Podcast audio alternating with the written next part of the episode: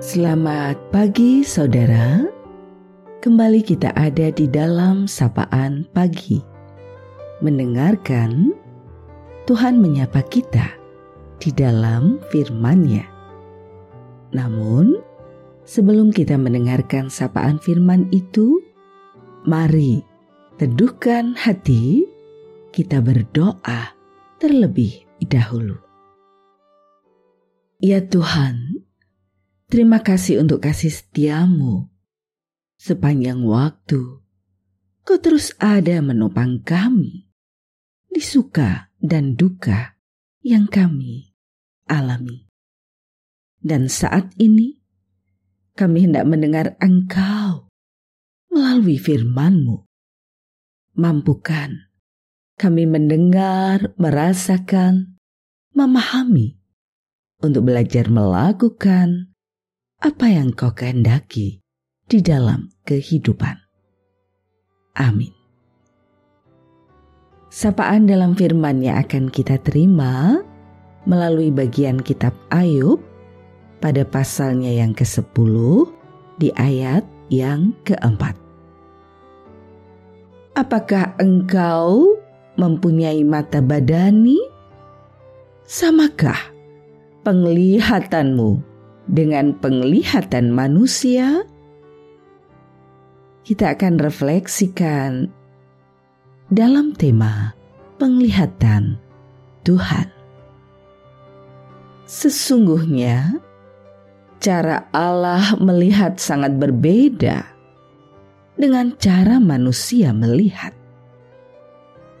Manusia melihat masalah dan penderitaan sebagai musibah.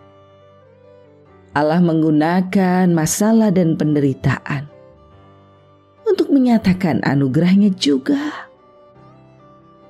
Allah melihat yang menjadi tujuan.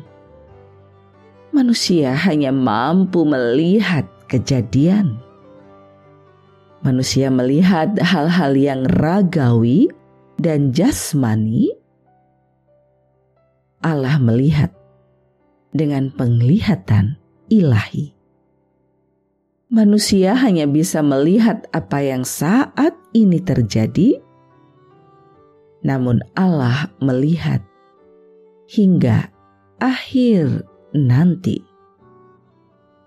Manusia melihat yang kelihatan di depan mata namun Allah melihat sampai ke dalam lubuk setiap hati manusia.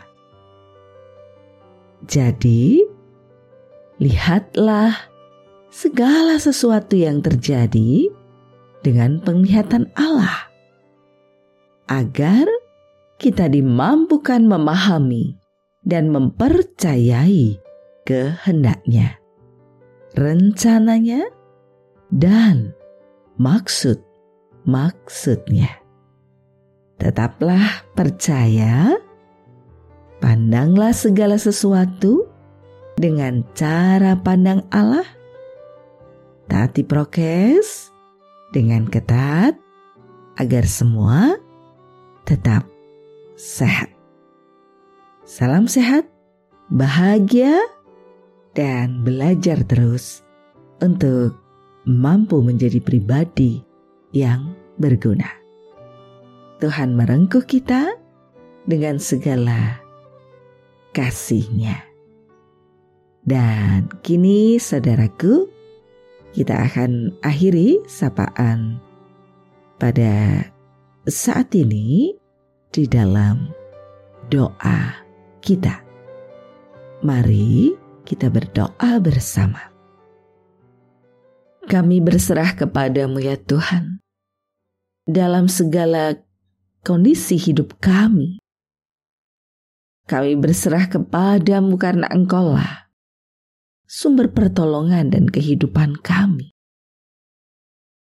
Setiap hal yang terjadi menjadi bagian yang indah. Caramu menopang dan mengokohkan hidup kami. Kami berserah kepadamu. Untuk setiap saudara-saudara kami, di mana pun dan siapa pun mereka, dalam segala kondisi pergumulan, keprihatinan karena situasi pandemik yang dialami, juga karena kondisi kesehatan yang kau izinkan untuk merasakan dan terus berjuang karena terpapar COVID-19 ataupun mereka yang sakit oleh karena situasi dan kondisi lain dalam tubuhnya. Engkau juga terus menguatkan pengharapan ada dalam keberanian untuk berserah dan memohon kepadamu apa pun yang terjadi.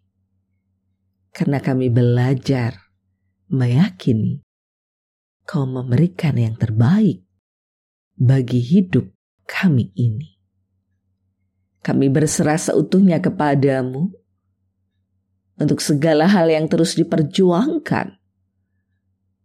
Menopang kehidupan ini, memulihkan segala bagian kehidupan, dan membawa sesuatu menjadi lebih baik para pemimpin negeri ini.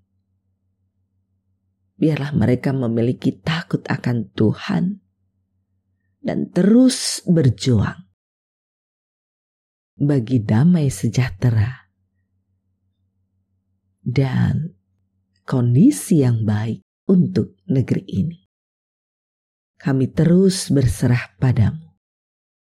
Dan kami yakin Engkau membantu dalam pemulihan ini, dan Engkau terus memberikan semangat juang bagi kami semua.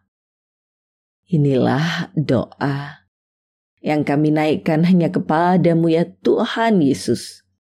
Karena Engkau yang mencipta, memberi pemeliharaan senantiasa, dan menyelamatkan kehidupan dalam Engkau kami berserah. Amin. Saudaraku yang terkasih di dalam Tuhan Yesus, demikianlah sapaan pada pagi hari ini. Terus dengarkan Tuhan menyapa kita di dalam firman-Nya. Saudara bersama saya, Esti Widya Stuti, Pendeta Jemaat Gereja Kristen Jawa Pakem dan ada di lereng Gunung Merapi. Tuhan memberkati. Amin.